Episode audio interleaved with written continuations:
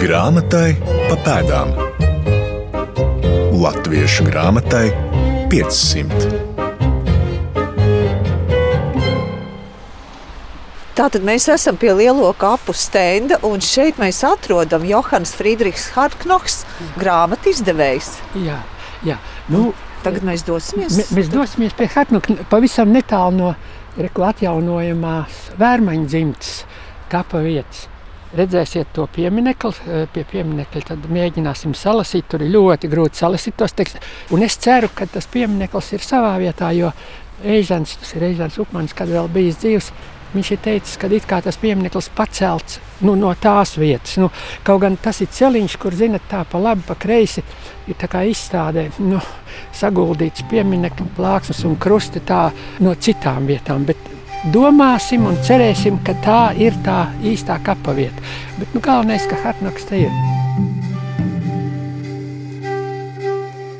Raidījumu par grāmatu izdevēju un tirgotāju Johānu Friedrihu Hartknohu iesākam lielajos kapos, kur Rīgas pētnieks Gunārs Ārmanis parādīs ne tikai pieminekli un iespējamo kapa vietu, bet aizraus ar stāstiem par lielo kapu vēsturi. Bet, lai izprastu, ko grāmatniecībā paveicis Hartknohs, dosimies uz Latvijas Universitātes akadēmisko biblioteku pie rokrakstu un reto grāmatu nodaļas vadītājas Aijas Taimiņas.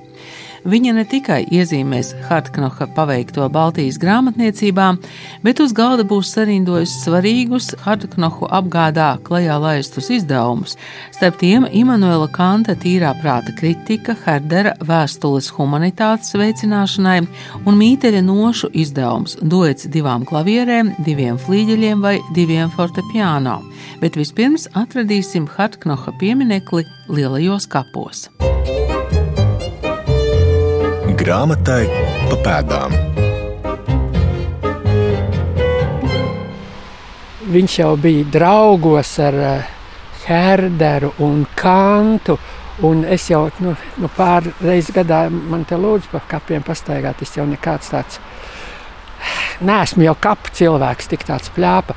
Un kad ne jau pirmo, bet eh, varbūt visslavenāko kanta darbu, tīrā prāta kritika, protams, vācu valodā, viņš nodrukāja un eh, arī tirgoja.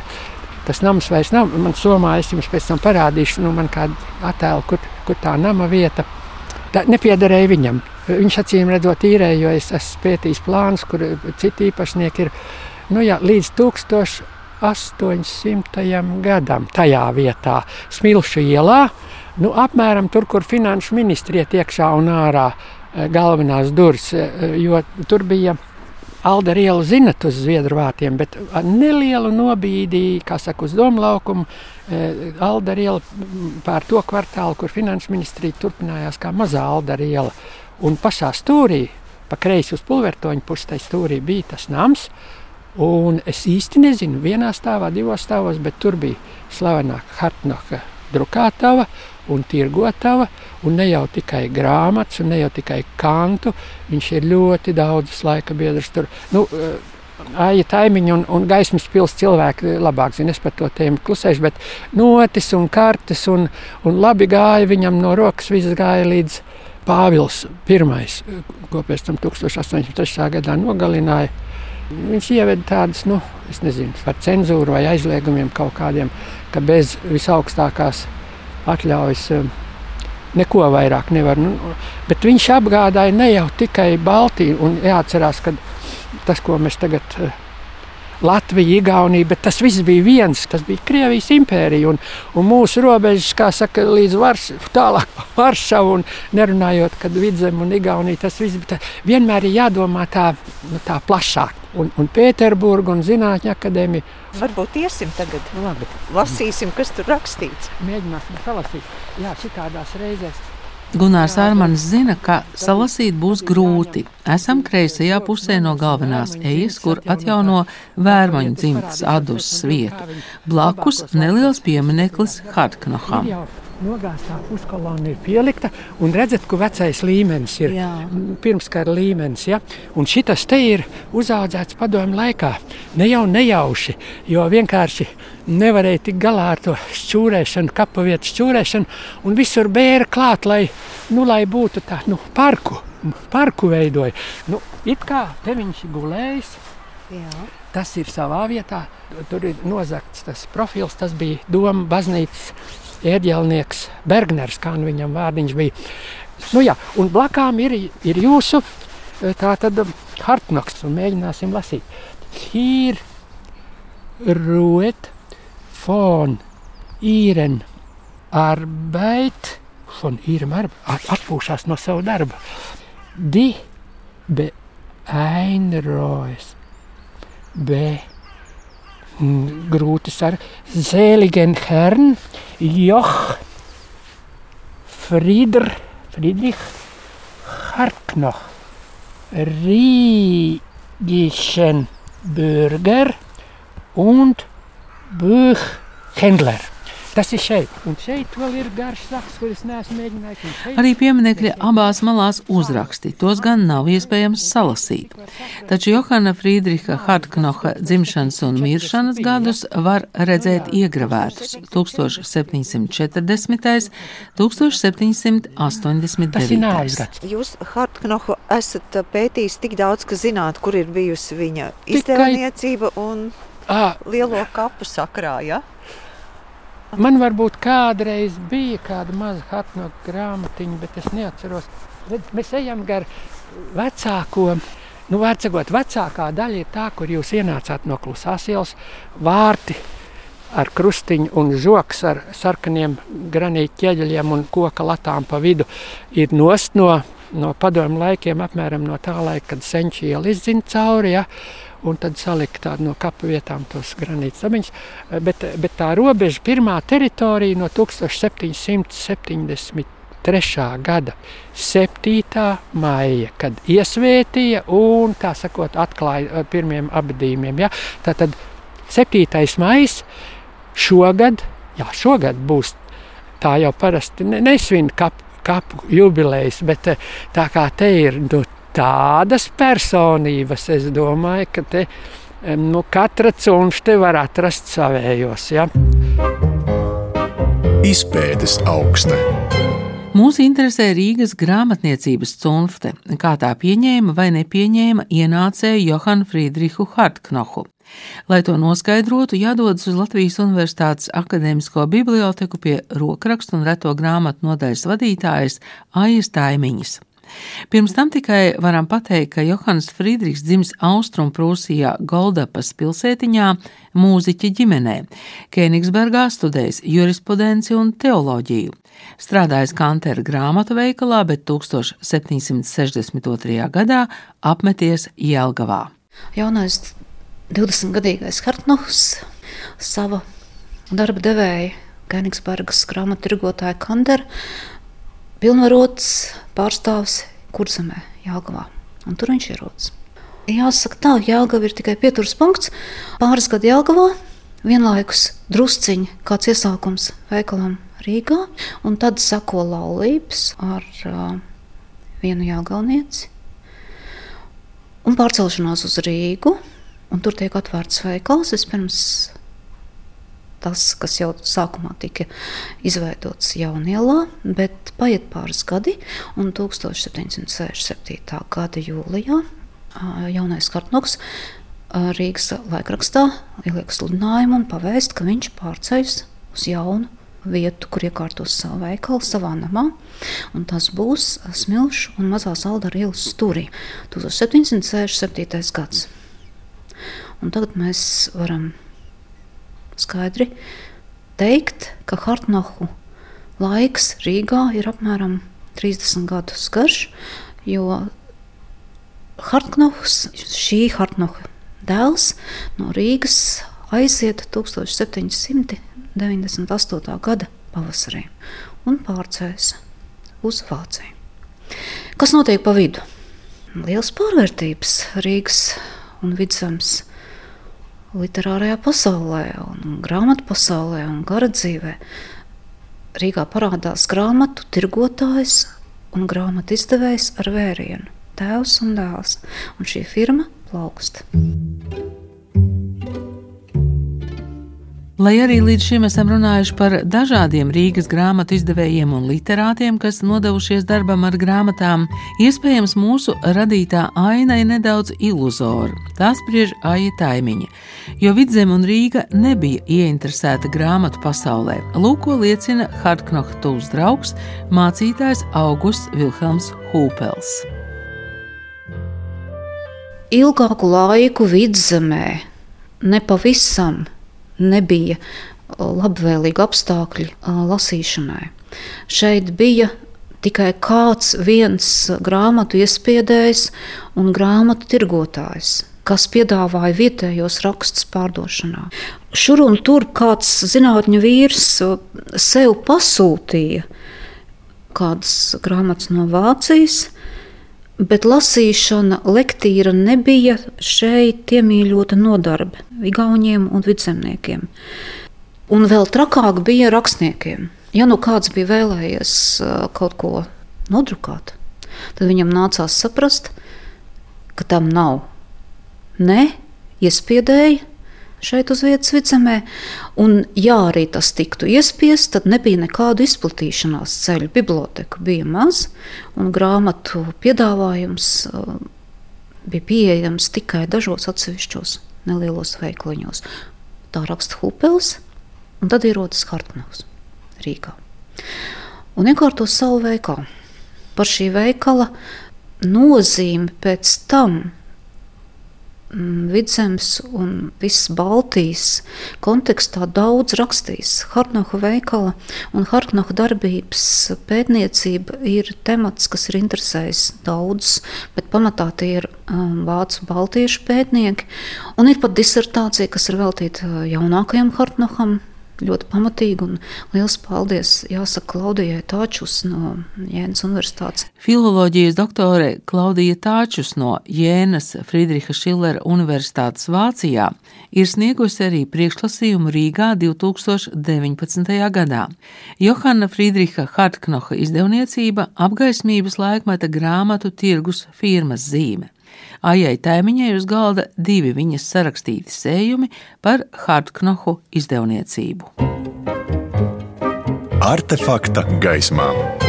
Un te ir jānošķir divas lietas.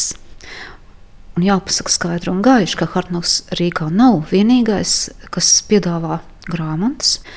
Rīgā vienlaicīgi darbojās privileģētais grāmatu izspiedējs. Rīgas pilsētas atļaujas un brīvības izpelnījies vietējais grāmatu iespiedējs. No sākuma tas ir uh, sākuma gados Frēliks, pēc tam tas ir izspiedējs Millers. Un Hartknoham, lai kā viņš vēlētos, netiek dotas tiesības šeit grāmatas iespiest. Viņš ir tirgotājs, viņš ir ģildes tirgotājs, kuram tiek dota atļauja sākotnēji Rīgā pārdot grāmatas, kas tiek iepirktas no Vācijas. Un tikai pēc tam, pēc pāris uh, sākuma gadiem, Hartnoks paplašina savu darba jomu, un viņš sāk veidot savu izdevēju darbību. Viņš piesaista autors, viņš nodarbojas ar grāmatu tirgošanu, viņš ir starpnieks starp autoru un iespiedēju, bet iespiedējs neatrodas Rīgā. Iespiedējs un grāmatu drukātājs visdrīzāk un visbiežāk ir vai nu Berlīnē, vai Jēnā, vai Leipzigā, vai Veimārā. Vai kādā citā visnotaļ uzticamā un zelītā grāmatu izspiešanas centrā Vācijā. Un tas, ka Hartnakam izdodas rosināt šeit grāmatu izdošanu, ir viņa īpašo, acīm redzami, patiešām ievērojamo personīgo kvalitāšu iznākums. Viņš spēja ieinteresēt lasīšanā diezgan kūtro vietējo publiku, viņš atrod līdzekļus un sviras, kā savus grāmatas piedāvāt. Hartnaham ir aģenti. Hartnahu pārstāv strādā Tallinā, Tartu, Sāremā, Vīlandē. Hartnaham ir pārstāvs arī Maskavā. Hartnaham ir noliktavs, ko viņš uztur mm, gan Rīgā, gan Leipzigā. Hartnaham ir palīgi, rakstveži, cilvēki, kas ir ieinteresēti grāmatas tapšanā un kas ir saistīti ciešām komerciālām saitēm ar šo te ļoti teiksim, tā, sekmīgo uzņēmumu. Un tad ir redzami pirmie panākumi. Bibliogrāfiskie dati liecina, ka 1767. gadā savā apgādā Hartknoks spējas piedāvāt 3-4 izdevumus, bet savas dzīves beigu posmā 1789. gadā 13, 14 grāmatas vienā gadā. Turklāt Hartknoha veikals nepiedāvā tikai vietējo autoru sacerējumus. Kas tikai tur nav? Tur ir grāmatas vācu, franču, angļu un pat itāļu valodās. Hartnoks piedāvā mūzikas izdevumus. Te ir jāpiesaka tas, ka Hartnoks vecākais pats ir muzikāls, un viņa tēvs ir bijis ērģelnieks šajā Goldapas pilsētā. Acīm redzot, interese par mūziku viņam ir pastāvīga un nemainīga. Tāpat kā Kārtnam dēlam vēlāk. Tātad Rīga iegūst savus jaunākos Eiropas piedāvājumus mūzikas jomā. Un Harnoks rūpēs arī par to, lai vietēji mūziķi, un šeit ir pāris ļoti izcili vārdi nosaucami, piemēram, Johans Sebastians Bachs, pēdējais skolnieks, ir Pētera Pasnīca Serģelnieks Mītels. Mītela darbi iznāk. Hartnoka apgādībā. Jā, un viena pavisam īpaša lieta - Hartnoks apgādā Mītela sacerējumu taustaņu instrumentam. Mītels ir klavesinists un klaviervirtuos, un šī sacerējuma, šī dueta nosaukumā mēs pirmo reizi ieraugam vārdu fortepiano no šī brīža pasaulē iepazīst šo terminu, pateicoties Rīgas Hartnoha nošu publikācijai.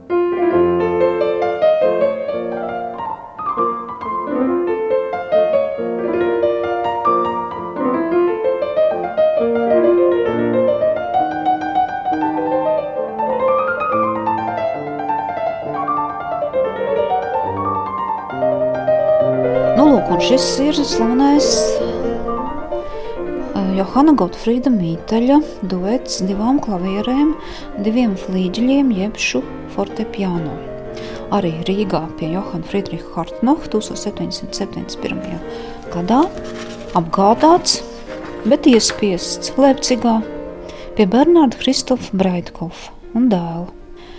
Rīgā tajā laikā nošu druka vēl nebija iespējama šeit virtuoza mīteļa pasaužas atklājas fantastiskā vērienā.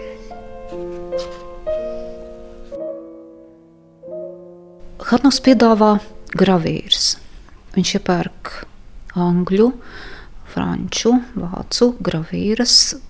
Viņa veikalā šad un tad var atrast pavisam eksotiskas lietas, piemēram, globus, kaut ko par dabas zinātnēm saistītu kādas mēra instrumentus pat ir bijis iespējams iegādāties. Viņš maina un maina savu sortimentu. Harnovs piedāvā kartes, Harnovs piedāvā daudz un dažādas īpatnējas lietas, tā skaitā kādu reizi viņš piedāvā pērles. Nocīm redzot, kādā ir mēģinājums bijis piesaistīt klientu arī tādā veidā. Hartnovs nebaidās ielaisties ar uh, klientiem, kas var maksāt vēlāk, vai spēj maksāt mazāk nekā viņi vēlētos. Harnovs pats mm, uz savu rēķina izsūta tālāk dzīvojošiem lasītājiem grāmatas uz laukiem. Ļoti iespējams, ka tā veidojas mūža biblioteka krājuma. Harnovs um, piedāvā grāmatvedēju pakalpojumus. Pāris dienu, piemēram, četru dienu laikā nopirkto grāmatu var uh, iegūt jaunā, skaistā, labākā iesējumā. Un tas pats Hupels. Autors, draugs un partneris saka, ka neilgā laikā vidzemes lasīšanas paradumi bija strauji mainījušies. Šeit parādījās daudz jaunu, ieinteresētu lasītāju un rakstnieku aprindas. Atklājam tekstus! Vērtīgu informāciju par Hartknoha veikalu un tur valdošo atmosfēru sniedz barona Pētera von Delviga mājskolotāja Johana Vilhelma Krauzes memoāri. Ir 1785. gada decembris. Smilšu ielā bija Vilhelma meklētais grāmatu veikals. Šaurs un piebāzts kabinets ieejas durvju tuvumā neko daudz nesolīja, ja salīdzina ar Amsterdamas, Hamburgas un Leipcigas grāmatu veikaliem.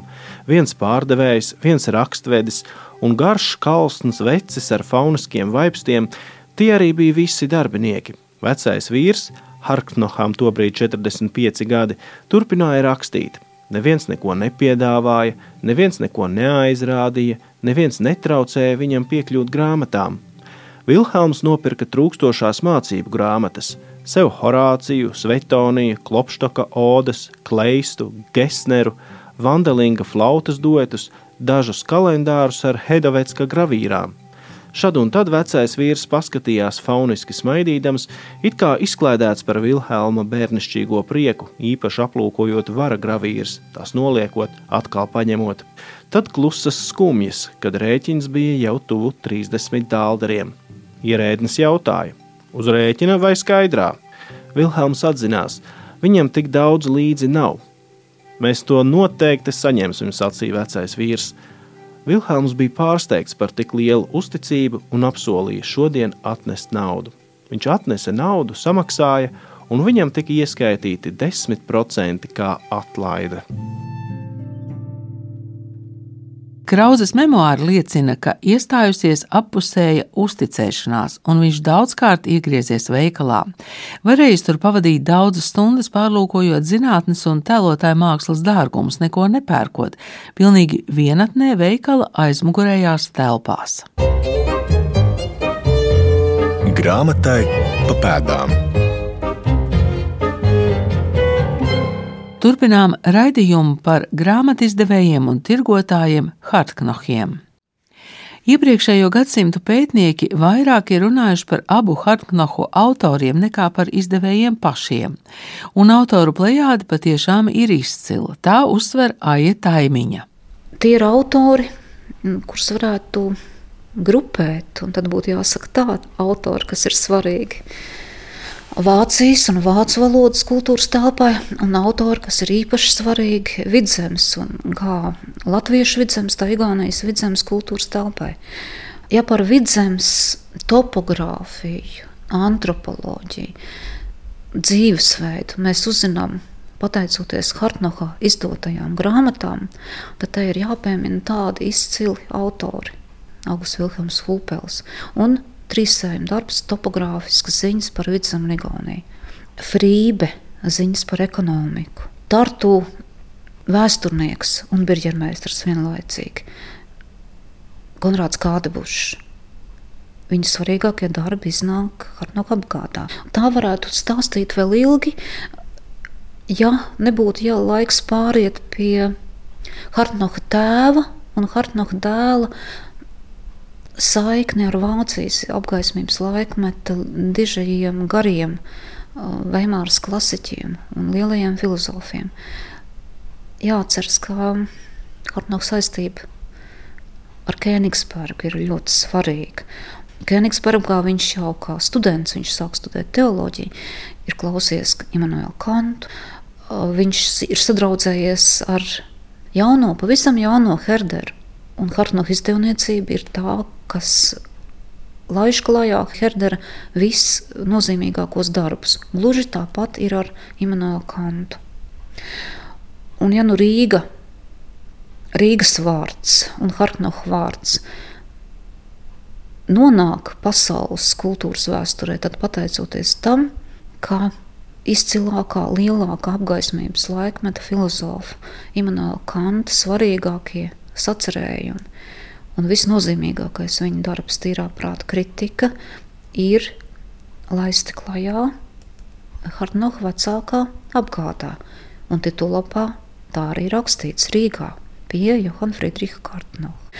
Lai ko mēs šobrīd zinātu par Kantu un cik maz vai daudz mēs lasītu Kantu, tomēr es domāju, ka lielākā daļa no mums būs paturējuši prātā poetisku un ārkārtīgi dziļdomīgo kantu izteikumu, kā vienmēr viņu visvairāk spēja aizkustināt divas lietas - zvaigžņotā debesis virs manis un morāls likums manī.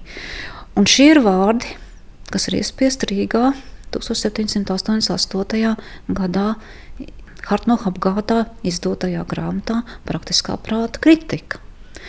Arī tā mēs varam paturēt prātā un cieņā Hartnoha devumu. Vai varam pašķirstīt arī Immanuela Kanta izdevumu? Jā, bet lūdzu. Bet lūdzu, noteikti Kanta darbu jau Hartnoha apgādā.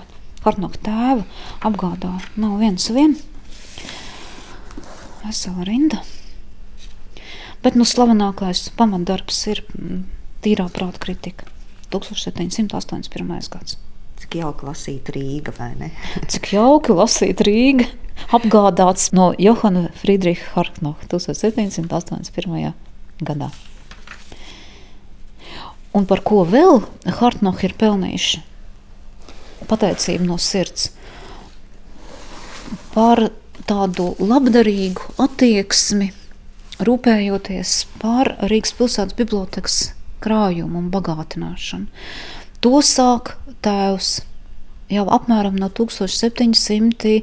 7. gada, no paša, paša sākuma. Viņš apņemās no katra sava izdevuma vienu eksemplāru par brīvu dāvināt Rīgas pilsētas bibliotekai. Un to dara arī turpmāk dēls, līdz kamēr no Rīgas dodas prom. Un dāvināšanas prakse ir bijusi svarīga gan šiem izdevējiem, kā izglītotiem vīriem, un kā labdariem, kā tādiem gaišiem un altruistiski domājušiem cilvēkiem. Hartknohi un brīvmūrniecība. Andreja Johansona Latvijas kultūras vēsturē lasāms, cik svarīga loma Rīgas sabiedriskajā dzīvē 18. gadsimta otrajā pusē bija brīvmūrniekiem.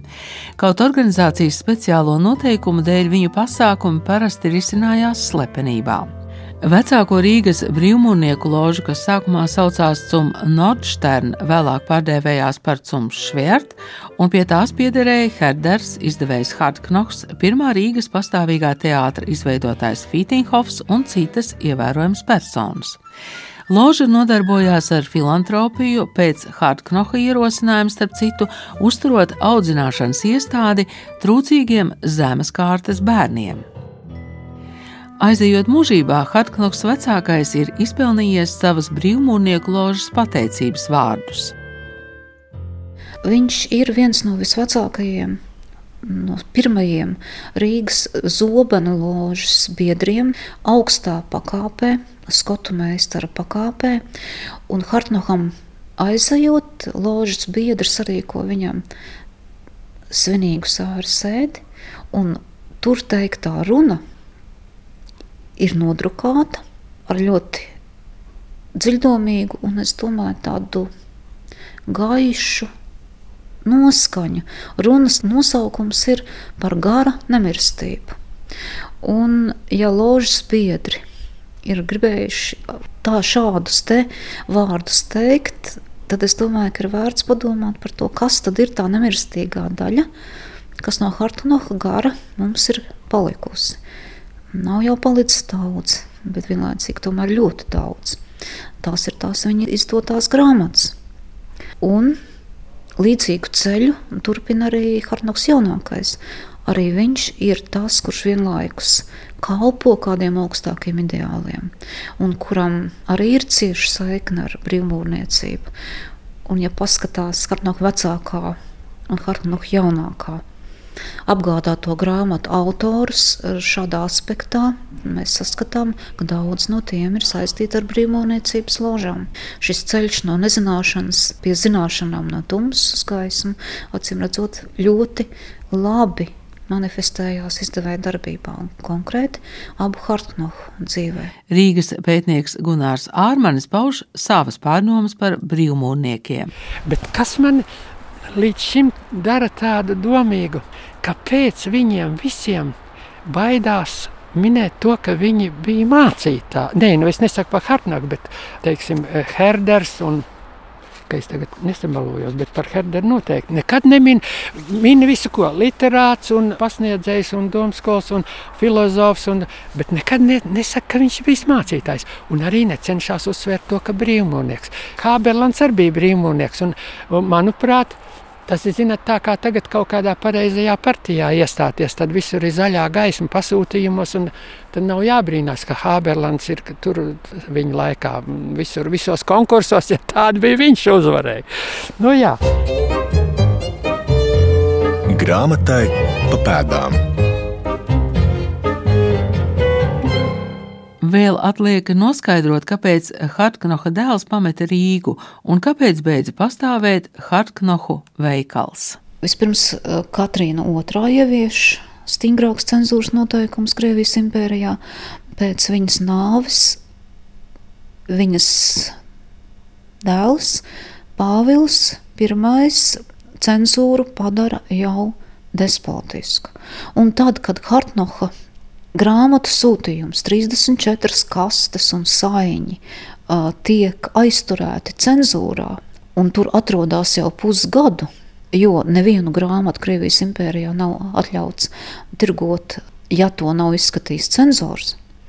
Un grāmatas stāv, un noliktava ir aizzīmogota, tad Hartnoka jaunākā izmisums ir tik liels, ka viņš dodas uz Pēterburgu, sūdzēties un prasīt kādas iespējas tomēr atjaunot brīvāku tirzniecību. Sūdzība netiek pieņemta, viņš dodas atpakaļ, bet ar to šis uh, stāsts nebeidzās. Hartnoka atpakaļ ceļā izsūtīts kur, kurjeris uh, viņam pakaļ apcietina, un viņš tiek atvests atpakaļ uz Pēterburgu, kur arī mm, no sēž cietumā.